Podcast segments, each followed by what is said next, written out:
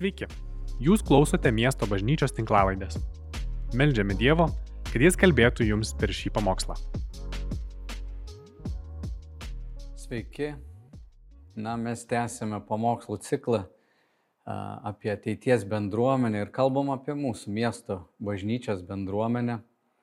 Ir žvelgiam į kultūrą ir žvelgiam, ką mums kaip krikščionėms reiškia gyventi šitoje aplinkoje, kurioje mes esam Tai kai sakom kultūrą, mes turim na, suvokimą tokį, kad e, Jėzus Kristus meldėsi už savo mokinius, kad jie nebūtų patraukti iš šio pasaulio, bet būdami šiame pasaulyje būtų ne iš šio pasaulio. Vadinasi, gyvenantis kitomis vertybėmis, gyvenantis kitokiu gyvenimo stiliumi nei aplink mus esantis pasaulis. Ir kai sakau pasaulis, tai turiu omeny um, idėjų pasaulį, vertybių pasaulį, kuris yra priešiškas Dievui, nusistatęs prieš Dievą, kuris yra uh, piktojo įtakoje.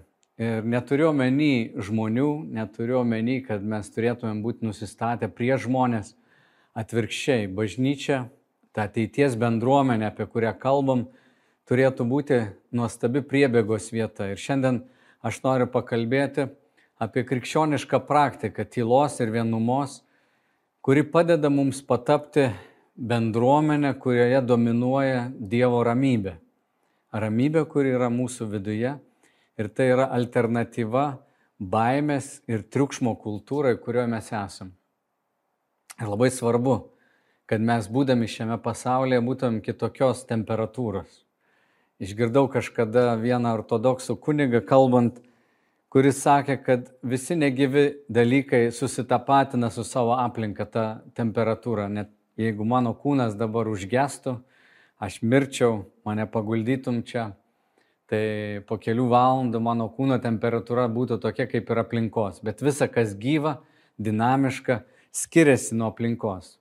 Ir man tai toks gražus įvaizdis, kad kaip krikščionis, kaip tikintis žmogus, na, jeigu pasaulis yra šaltas, aš turiu būti karštas. Jeigu pasaulis yra kažkame karštas, gal man reikia būti vėsesniu. Aš turiu išsiskirti savo elgesiu.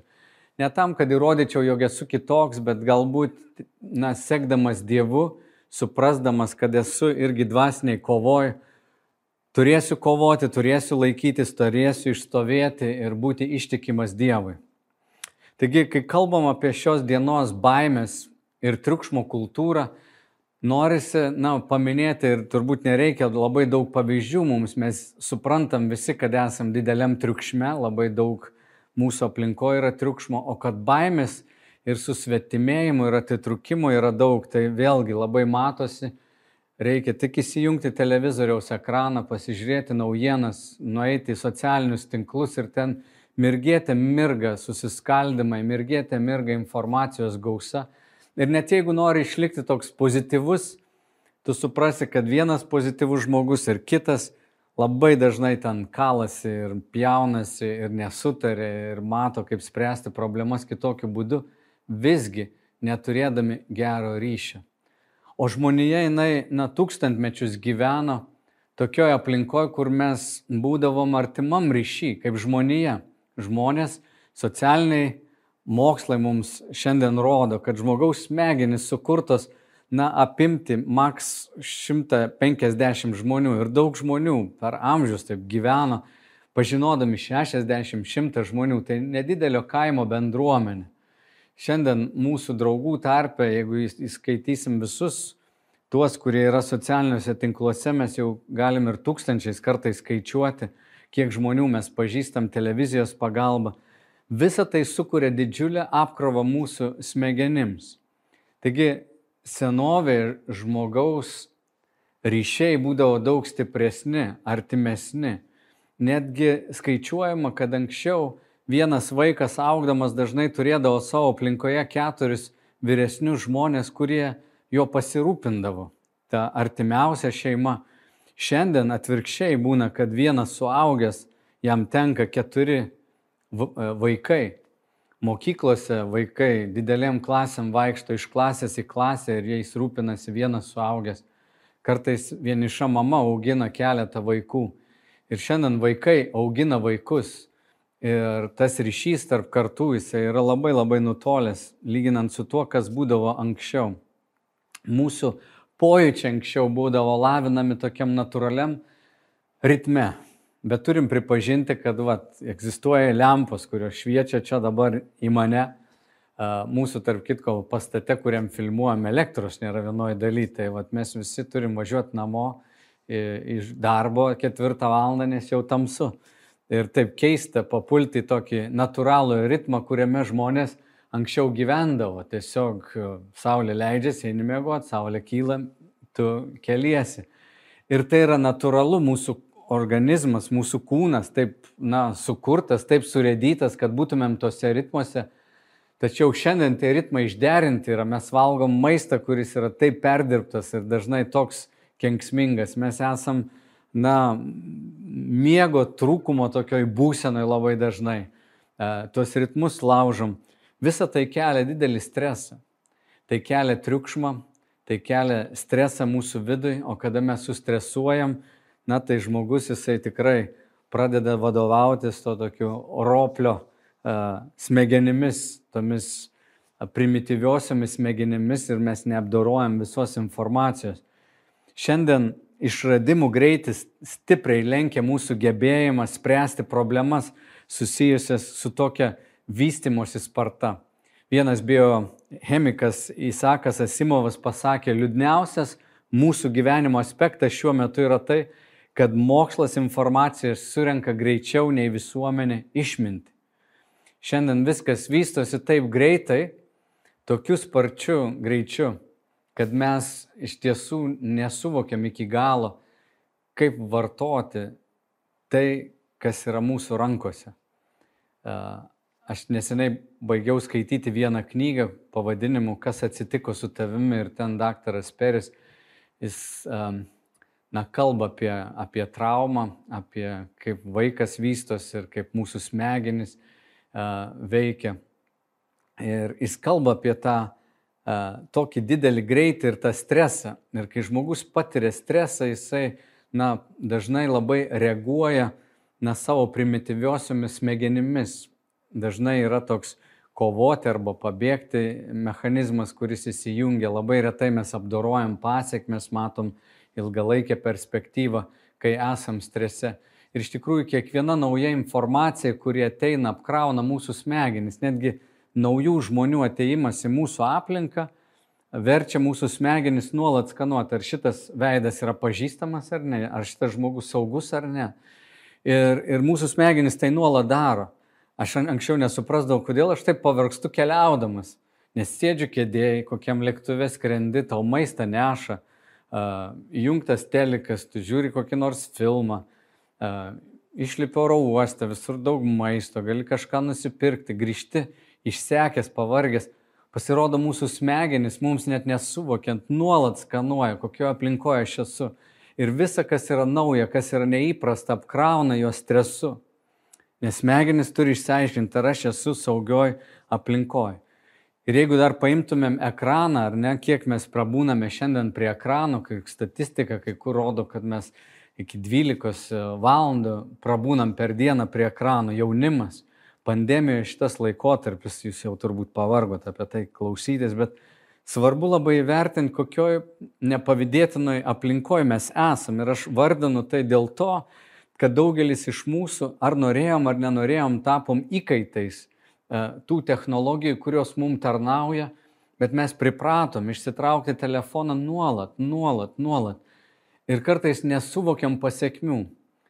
Ir ta knyga, kurią baigiau skaityti neseniai, daktaras Peris, jis sako, jeigu mes žvelgiam į praeitį ir matom, kad anksčiau gydytojo operacijas prieš tūkstantį metų darydavo nesiplovę rankų, mums tai atrodo košmaras arba kad kaimo gyventojai išpildavo išmatas į vandenį, iš kurio po to gerdavo, mums tai atrodo kažkoks absurdas, koks neišmanimas. Ateinančios kartos galbūt taip kalbės apie šį laikotarpį, kuriame mes esame, kai neturėdami ryšio mes pjaunamės internete, kai duodam vaikam planšetės ir jie nuo trijų metų sėdi ten ištisas valandas ir mes nesuvokiam, kiek apkraunam smegenis ir kiek mes nuskurdinam vienas kitą. Taigi šiandien ta susipriešinimo ir baimės kultūra, jinai yra nuolat užmaitinama to ryšio trūkumu. Nes kai žmogų pažįsti, kai esi artimam santykyje, tu jo nebebijai, bet mūsų smegenys dažnai yra įtarius ir, ir pilnos baimės visiems nepažįstami. Štai kodėl šiandien ideologiniam kare, tarkim ir krikščionis, kai mes įsijungiam į ideologinį karą, mes dažnai kalbam apie idėjas, apie blogį, kuris plinta, mes kovojam, bet tų žmonių net nepažįstam, net nenueinam ir tai kelia labai didelį įtampą, mes kovojam už tiesą, pjaunamės ten, bet žmonių net nepaliečiam. Kartais tos kovos yra tikros, kartais jos galbūt yra visiškai butaforiškos. Bet šiandien praturtėję, aš kalbu net apie mūsų vat, bendruomenę, aš žvelgiu, kaip mes gyvenam, mes praturtėjom daugelis finansiškai, gyvenam patogiai, turim automobilius, valgom skanų maistą, daugelis net galime eiti į restoranus pavalgyti, bet iš tiesų esam dar labiau atitolę viens nuo kito. Ir ypač šitie vat, keli metai padarė tokią didelę mums žalą, kad mes na, nutolom. Ir kada atsiranda atstumas, atsiranda na, ir įtampos, atsiranda ir susipriešinimai, ir nesupratimas. Ten, kur yra didelis atstumas ir įtarumas gali būti, ir abejingumas, ir daug dalykų veši, kada nėra gero ryšio. Tarp kitko, vakarų šalyse prieš 30 metų 15 procentų tik tais namų ūkių turėdavo du arba mažiau asmenų. Bet šiandien Junktinės Amerikos valstijos ir Europos bendras vidurkis 60 procentų namų ūkių turi tik po vieną asmenį. Ar gali matyti, ant kiek mes esam atitolę viens nuo kito, turėdami tą patogumą, mes na, sukūrėm tiek daug tokio atstumo, kuris lyg ir duoda mums patogumą ir privatumą ir daugiau erdvės, bet nuskurdina mus santykių prasme. Šiandien yra daug finansiškai praturtėjusių žmonių ir emociškai arba santykių prasme labai nuskurdusių žmonių. Klaivas Teiplas Liujisas net yra parašęs knygą apie pragarą ir jis apibūdina pragarą kaip vietą, kur žmonės atitols. Ir ten toks yra vienas epizodas, kur Hitleris gyvena, ne, Napoleonas gyvena taip toli, kad reikia keliauti keletą metų kad nueitum iki jo ir jis vienas tenais name vaikšto ir įrodinėja pats savo, koks jis yra teisus ir ką jis gero nuveikė. Tik nėra nie, nie gyvos dvasios aplinkui, kuri uh, išgirstų jį.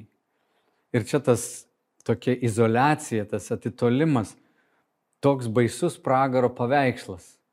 Tai ne ežeras su velniais ir kur žmonės salų geria ir, ir smalą verda, bet spengianti tyla visiškas atitolimas, visiška tuštuma. Žmonės nutoli viens nuo kito. Ir tokioje aplinkoje, žinoma, susipriešinimo ir atjautos stoka yra milžiniška. Tai susipriešinimo apstu turi nuomenį, o atjautos yra labai maža. Na čia pavariau taip, išsakiau, ką matau, apie ką skaitau, mūsų aplinka, jūs patys turbūt galite užpildyti savo gyvenimo epizodais, ar tai, ką sakau, atliepia jums ir, ir jūs matot, kad um, jūsų gyvenimas yra va, būtent toks, pilnas triukšmo. Ir Jėzus kalbėjo, kad paskutiniai laikai jie bus pilni nerimo, jie bus pilni baimių, pilni susipriešinimo. Kai mokiniai jo paklausė, Jėzau, kada bus galas? Nes biblinė samprata yra, kad istorija nėra cikliška, kad jinai nėra kaip karmos ratais besisukantis veiksmas, bet yra progresyvi istorija, kad laikas jis yra progresyvus, yra pradžia ir yra pabaiga. Jėzus yra alfa, jis yra omega, jis yra pradžia, jis yra ir pabaiga. Ir mes suprantam, kad laikas juda tokia linkme tai ne toks hinduistinis ar rytų filosofijos toks suvokimas, kad viskas yra, na, savyje besisukančio, bet kad yra kelionė. Ir mokiniai atėję sako, Jėzau, kas bus pabaigoje? Ir mato Evangelijos 24 skyriuje mes skaitom, kaip Jėzus jiems atsakė. Žiūrėkite, kad niekas jūsų nesuklaidintų. Daug kas ateis mano vardu ir sakys, aš esu Kristus. Ir daugelis suklaidins. Tokių buvo. Praeitam šimtmetį Korejoje vienas pasiskelbė Kristumi ir jo sekėjų, munistai vadinami šiandien jų yra tikrai labai daug. Um, Jėzus sakė, tokių pranašų bus daug. Šiandien yra pranašų ne tik religinė prasme, bet yra ir įvairių gelbėtojų. Yra gelbėtojų, kurie technologijų pagalba nori žmoniją visą išgelbėti. Žodžiu, pranašų arba gelbėtojų yra apstu. Jėzus toliau tęsė mokiniams sakydamas, girdėsite apie karus ir karų gandus, žiūrėkite, kad neišsigastumėte, nes visa tai turi įvykti. Bet tai dar negalas. Tauta sukils prieš tautą ir karalystė prieš karalystę. Įvairiuose vietose bus badmečių, marų ir žemės drebėjimų. Tarp kitko žemės drebėjimų, kiek aš skaičiau, jų praeitą šimtmetį buvo tiek daug, daug daugiau negu šimtmečius prieš tai. Tai atrodo, žemės drebėjimų intensyvėjimas irgi didėja. Tačiau visa tai Jėzus sako gimdymo skausmų pradžia. Tada jūs atiduos kankinti ir žudyti jūs būsite visų tautų nekenčiami dėl mano vardo. Daugelis pasipiktins, vieni kitus išdavinės ir vieni kitų nekes. Atsiras daug netikrų pranašų, kurie daugelį suvedžios. Kadangi įsigalės neteisumas, daugelio meilė atšals. Bet kas ištvers iki galo, tas bus išgelbėtas. Ir bus paskelbta ši karalystės evangelija visame pasaulyje paliudyti visoms tautoms. Ir tada ateis galas. Taigi, pasaulio pabaigai artėjant, Jėzus sako, kad negandų jų padaugės. Iškils grėsmė, kad ir tikinti žmonės bus išdavinėjami. Jis sakė, kad netgi šeimos nariai išduos vieni kitus kad bus daug neteisumo, dėl to kai kurių meilė atšals. Net ne kai kurių, jisai sako, daugelio meilė atšals. Ir čia mes turim stebėti savo širdis, kad žiūrėdami, ar kažkieno širdis neatšalo, pamatytumėm, ar mūsų pačių širdis nėra atšalus. Ir bus paskelbta karalystės evangelija visame pasaulyje. Šiandien tai tikrai vyksta interneto pagalba, Netrukus bus padengtas visas tinklas satelito pagalba, kur internetas bus pasiekiamas visame pasaulyje. E, tai galim įsivaizduoti, kad tikrai kiekvienoje vietoje Evangelija bus pasiekiama. Bet be viso to mes matom, kad įtampų, susipriešinimų tikrai padaugės. Ir mes žvelgiam šiandien, matom karų grėsmės, matom tikrus karus, patys gyvenam tokioj zonoje, kur karo nuojauta pa žmonės nėra svetimas dalykas. Bet Jėzus taip pat mokiniams pasakė, Jonas užrašė taip, aš palieku jums ramybę, duodu jums savo ramybę, ne kaip pasaulis duoda, aš jums duodu. Ten nebūkštauja jūsų širdis ir ten neišsigasta. Jėzus sako, aš jums duodu ramybę, ramybę, kuri remiasi pasitikėjimu. Jėzus duoda ramybę, kuri tikrai nuramina širdį tuo žinojimu, kad jis yra viešpats virš visų, kad jo rankose yra visos valstybės, valstybių galvos, visi parlamentai, kad visa pandeminė situacija yra jo žinioje. Jis sako, kad ramybė, kurią jisai duoda, Paulius sako, šitą ramybę pranoksta supratimą, nes mes galim atnešti savo naštas, savo rūpešius ir atiduoti juos Dievui, žinodami, kad Dievas rūpinasi mumis. Bet kad gautume tą ramybę, aš manau, mums labai svarbu padaryti du dalykus. Viena, mums reikia kažką palikti, antra, mums reikia kažkur nueiti, kad gautume tą ramybę. Palikti mums reikia triukšmo aplinką, ir pabūti tame, kame Jėzus būdavo - vienumoj ir tyloj. Tai yra sena praktika, kai krikščionis per šimtmečių žiūrėjo Jėzaus gyvenimą, visiems buvo aišku, Jėzus praleidžia daug laiko su tėvu. Jis paliko mums tokį pavyzdį.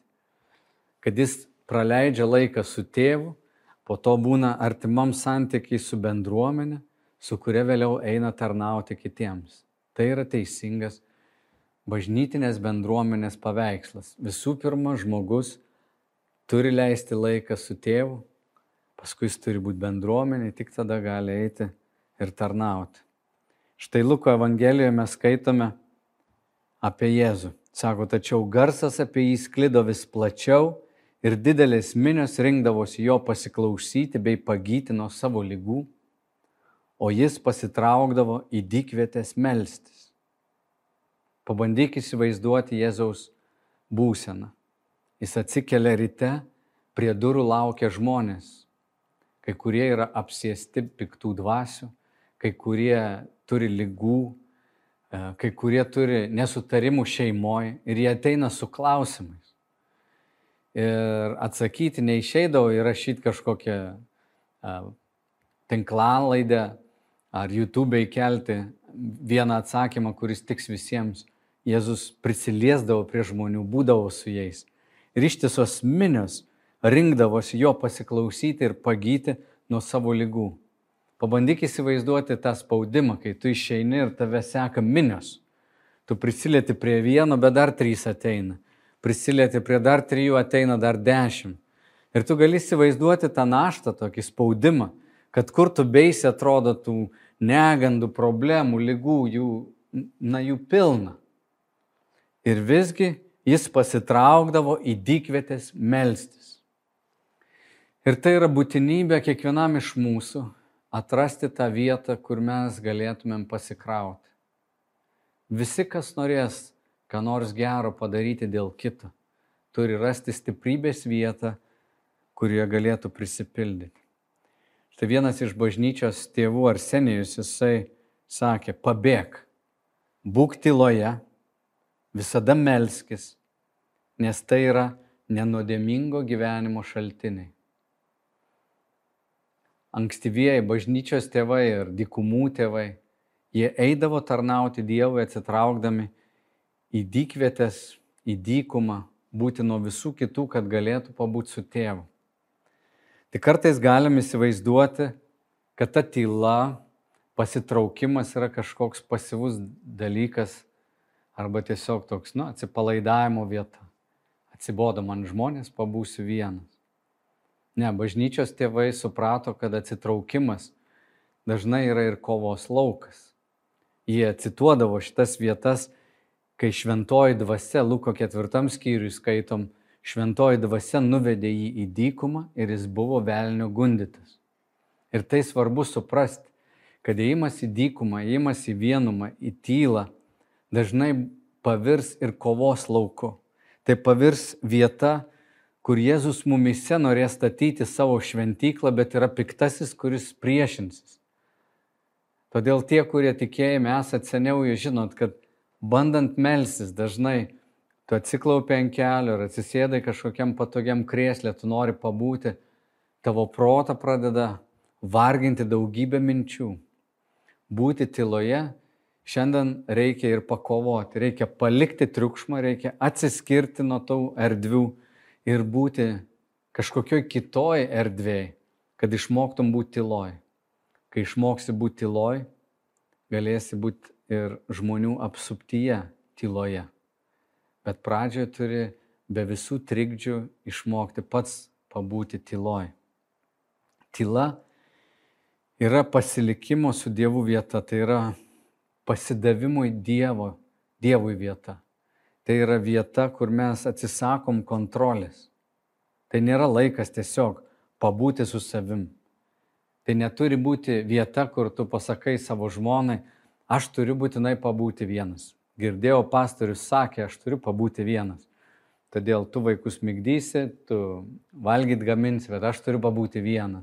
Tai neturi būti vieta, kur tu tampi tokiu narcizu ir kur tu augini savo ego.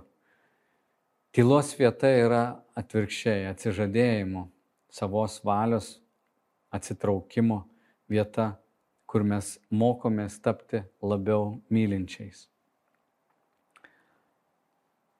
Aš pamenu, kai paprašiau bažnyčios vyresniųjų duoti man tris mėnesius pabūti tokiam šabo laike. Aš taip įsivaizdavau, kad man bus labai gera ir lengva, aš tiesiog leisiu laiką maldoje. Kai kuriem pasakiau, tai kai kurie net broliai sesė sako, oh, kaip faina būti pastorium, tu išeini tris mėnesius apmokamų atostogų ir kaip faina, tai galėsi būti paplūdimi visą vasarą, pliuškiantis vandenį, būti su šeima, kaip nuostabu. Kažkuria prasme aš irgi taip įsivaizdavau, pailsėti reikia, aš tarnavau 15 metų ar kiek aš galvoju, na, ne tai, kad nusipelniau, bet man reikia pasikrauti. Ir aš įsivaizdavau, kad tikrai leisiu laiką maldoje, skaitysiu knygas. Visiškai nesitikėjau, kad papulsi tokią mėsmalį ir į tokį dvasinę kovą kad man būdavo sunku kartais kelias minutės išbūti maldoje. Man būdavo tikrai sunku ir aš supratau, kad tyla tai yra dažnai na, ta kovos vieta. Ir tyloje buvime su Dievu, kada aš net nekalbu daug, nieko jo neprašau, nieko jam, nu, nieko jam tokio net nesakau, būnu tyloje, tiesiog pasiduodu, kontempliuoju jo meilę, būnu su juo mokaus pasiduoti, tai yra vieta, kur mano tas ego turi numirti. Um, man labai patinka citata. Henris Naunas yra užrašęs tokius žodžius. Jis sako, vienuma nėra privati terapinė vieta, greičiau tai atsivertimo vieta, vieta, kur miršta senasis aš ir gimsta naujasis, vieta, kur atsiranda naujas vyras ir nauja moteris. Vienuma yra perkeitimo krosnis. Neturėdami vienumos mes liksime mūsų visuomenės aukomis ir toliau būsime įsipainioję į netikro savęs iliuziją. Vienatvė yra didžiosios kovos ir didžiojo susitikimo vieta, arba ta vienuma yra didžiosios kovos, didžiojo susitikimo vieta, kova su netikro savęs prievarta ir susitikimas su mylinčiu Dievu, kuris siūlo save kaip naujojo aš substancija. Tyla ir vienuma galbūt kartais yra net sunkiausia vieta, nes ten įvyksta tas savo senojo aš atsisakymas, kad Dievas taptų didesnis manyje, o aš tapčiau mažesnis, kad jis didėtų, jo įtaka, jo valia didėtų. Tomas Mertonas yra labai gerai pasakęs, bet tylos neturėsime ką duoti kitiems. Mes jiems nesuteiksime nieko kito, kaip tik savo manijas, agresyvumą, į ego orientuotų ambicijų ir iliuzijų užkratą. Iš tiesų nepabuvę toje vietoje, kur mes patys esame apvalomi ir numirštam nuo tos savo valios, nuo to noro kontroliuoti, valdyti ir viską vertinti, teisti, apie viską spręsti ir išlaikyti atstumą. Netgi būti tokiais cinikais, kurie tarsi viską matom. Jeigu mes nepabūsim toj krosnį, kaip Nauanas sako, kur būsim patys sudeginti, kad kažkas naujo mumise užgimtų, kur Dievas pakeistų mūsų tą senąjį ego, tai mes liksim tik tai su tom savo ambicijom ir iliuzijom ir užkrėsim jomis kitus. Taigi tyla ir vienuma nėra pabėgimas, atvirkščiai tai buvimas su savo baimėmis, su savo nerimu, su savo ambicijomis. Vienuma labai dažnai tampa, na, tokiu veidrodžiu, tu būdamas tyloj, gali pradėti matyti save. Santykiai mes labai gerai save pradedam matyti, artimam santykiai, bet taip pat būdami vienumoje. Į mūsų sąmoningą tą protą iškyla dalykai, su kuriais reikia tvarkytis ir juos galim išpažinti viešpačiai. Bet tuo pačiu metu buvimas tyloj, mano patirtis tokia, kad kartais tai jauti, kad na, maldoje vyksta tavo na, kažkoks veiksmas, buvimas tas su Dievu, kur tu esi pamaitinamas, pasotinamas, kur šventoji dvasia tave nuramina, prabyla ir tu tikrai tampi na, žmogus, kuris įgyja po truputį daugiau imuniteto tai nuodėmingai aplinkai. Būdamas tyloje gali nusiraminti, įgyti tokią, na, tokį pasitikėjimą ir užtikrintumą Dievu, kad išėjęs vėliau į aplinką, kuri dirgina, jinai nebeprasiskverbia taip giliai iki tavo kaulų, tų smegenų. kai kurie dalykai tiesiog nepastebimai nuo tavęs nuteka kaip, kaip vanduo nuo žasies. Ir tu gali įgyti tą ramybę, kuri tęsiasi, ramybę, kuri, na, pranoksta supratimą. Kaip tai daryti, jeigu tu to nepraktikuoji, aš siūlau pradėti tiesiog nuo keletos minučių kiekvieną rytą. Atsikėlus, galbūt tik išlipus iš lovos, o gal net kol dar kojas nepasiekė e, grindų, atsisėdus lovoj, e, pabūti tyloje, atsipalaiduoti. Nėra na, jokio būdo, kaip aš galėčiau dabar tave iš, išmokyti būti vienumoje su tėvu. Nėra iš tiesų net tokio rimto būdo, kaip išmokyti tave melstis. Tu gali išmokti būti su tėvu tik tais būdamas su tėvu. Nėra na, kažkokio greito recepto. Žmonės, kurie pardavinėja, vad padarysi taip, padarysi taip ir įvyks taip, Na, aš to nelabai tikiu. Yra principai, žinoma, kurių mes mokomės ir aš dabar mokau apie tą pačią tylą ir tą vienumą, norėdamas sužadinti mūsų visų apetitą pabūti su tėvu, kuris savo meilėje gali perkeisti mus iš vidaus. Bet ta tyla ir vienuma, buvimas joje, kada mes net nesimeldžiam intensyviai, aš nekalbu apie ten ar maldą kalbomis, ar prašymus, ar užtarimo maldas, aš kalbu apie buvimą, pasidavimą tokioj dykvietėje, atsiskirimą nuo visų, kad pabūčiau aš ir tėvas, kad tėvas galėtų man kalbėti. Tai yra vieta, kada tu tiesiog turi atsipalaiduoti, neįsitemti, neapsimesti, kada tu turi atsiremti į Dievo gerumą ir žinot, kad tu esi ta šakelė vynmedyje, kuria tėvas kaip vynininkas rūpinasi. Jam rūpi tavo siela. Jis mato triukšmą aplink tave Jis mato įtampas, jis mato galbūt tavo vienatvę, ryšių stoką, gal mato tavo neturtą. Ir jis nori tave pripildyti, kad tu paskui galėtum eiti ir tarnauti, kad tu galėtum paskui būti bendruomeniai. Ir tik žmonės, kurie yra atradę va tą ramybę su Dievu, gali atnešti ją kitiems. Ir kada vienas žmogus savo sieloj taip sureguliuotas arba toks subalansuotas, nusiraminęs, esantis ramybės būsenoje, galbūt labai aktyvus, bet ramybės būsenoje, ateina pas kitą, tokiu būdu mes vienas na, kitą suderinam. Mes neišderinam, neišblaškom, nesukeliam streso, bet atvirkščiai nuraminam. Tik tokioj bendruomeniai paskui galim eiti tarnauti tinkamai pasauliu. Bet bažnyčia ir mes visi turėtumėm pasistengti, kad mūsų triados, kai mes susirinkam, išgyventumėm tos tylos. Gali būdami triadoje, kai susitinkat, net pirmas ten dešimt minučių, tiesiog pabūti tyloj. Neaišku, iš kur atėjot, su kokiom naštom suėjot. Tiesiog pabūk tyloj ir pamatysit, jūs susėdė tryse ar grupeliai, jūs pamatysit, kaip Dievo ramybė pripildo, kaip kūnas atsipalaiduoja kaip tu gali įsivaizduoti, kad Dievo meilė tave kaip apsiaustas apkabina. Gali įsivaizduoti tėvo mylinčias rankas. Ir tai yra ta vieta, kada tu atsisakai savos valios. Pytas Kecero, kuris parašė knygą Emociškai brandus dvasingumas, jis sako, mūsų pagrindinė dvasinė problema yra savivalė. Visi norime dvasinio gyvenimo, bet nenorime būti už jį atsakingi ir leisti jam vystytis Mes norim leisti jam vystytis pagal mūsų tvarkaraštį ir mūsų būdu. Tai yra mums įprasta, net maldą paversti kažkokią priemonę tokią, na, arba net pačiu tikslu, kad va, aš noriu pasimelsti, kad man būtų gerai. Bet malda arba buvimas tyloj turėtų būti ta pasidavimo vieta, kur mes net savos valios atsisakom ir tiesiog esame jame, ilsimės jame.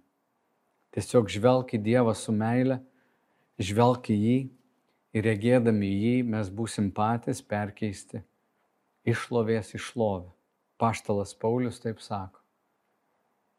Sako, mes žvelgiame į jį ir esam keičiami išlovės išlovę, regėdami mūsų viešpati, kuris yra dvasia. Taigi, ką tai reiškia mums kaip bendruomenė? Kiekvienų metų sausio mėnesį mes pradedam kalbėti apie, vat, kas mes esam kaip bendruomenė, kokios yra mūsų vertybės, kas yra svarbu Norisi man, kad mes kaip miesto bažnyčia būtumėm ta ramybės priebėga, ta polsio vieta šitam triukšmu, baime, susiskaldimu pilnam pasauliu. Kad žmonės, kurie ateina, jie ir toliau liudytų, sakytų, čia taip gera, čia taip malonu, čia taip ramu. Ir kai po pamaldų mes atsisėdam ir kažkas gali pusę valandos išsikalbėti, išpasakoti, išpažinti savo uh, skausmus, nuodėmės ir gauti tą na, išklausimą ir maldą ir palaikymą, tai yra tokia didžiulė vertybė. Ir mes kuriam šią bendruomenę kartu. Aš noriu pasakyti, broliai, sesės, būkim tie žmonės, kurie, na, pamilsim viešpati visą širdim, bet a, kuo toliau mes tuo mažiau būtumėm tame triukšme arba siektumėm atsiribot nuo jo. Kad mes, na, nebūtume tie, apie kuriuos po 20 metų sakys, ne, neįtikėtina, kaip jie taip atlaikė tiek daug telefono laiko, arba tiek daug ekrano laiko, arba tiek daug atsiskirimo arba nesakytų, kaip jie išgyveno pandemiją, siaubas, tai buvo didžiausia tragedija, kad mes įvertintumėm tuos dalykus ir sąmoningai kaip bendruomenė kurtumėm tuos ryšius. Brangiai, šimtmečiai žinomas būdas, kad net daug emocinių problemų, kurias mes turim šiandien, jos geriausiai yra gydomos meilės santykiuose ir geram ryšiai, net ne psichologo kėdėjai, bet um, um, artimoj bendrystė vienas su kitu. Bet kad tokią ramybę galėtumėm gauti bendrystėje, paverskim tai irgi prioritetu savo gyvenime. Metai tik ką prasidėjo. Paskirk šitą laiką, kad nepraeitų nei viena diena, kur tu praleisi nepabuvęs tyloje, nepabuvęs nusiraminęs.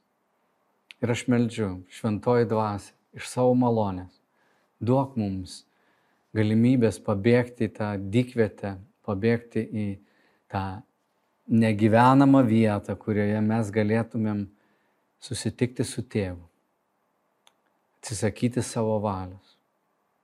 Viešpatie, būk antrus mums, kai mes ir save nu, nuviliam, ir kitus gal nuviliam, kai užsisukam, kai nejaučiam įtampos, kuris susikūrus mūsų viduje, kai esam nuolatiniam strese. Viešpatie, padėk mum, padėk mum, padėk vienas kitam, e, kad mes kaip bendruomenė, būdami grupelėse, trijadose, galėtumėm viešpatie išgyventi tavo ramybę, rasti tą priebėgą, kad būtume pasauliui liudėjimas, jog tu viešpatie leidi mums būti pasaulyje aktyviais, kuriančiais vertę, nešančiais taiką ir nešančiais ramybę pripildyk viešpatė mus.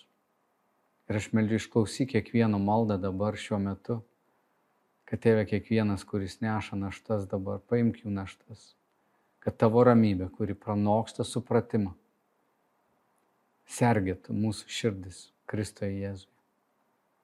Amen. Ačiū, kad klausėte. Daugiau informacijos rasite mūsų svetainėje miestobažnyčia.lt arba Facebook, Instagram ir YouTube paskyrose.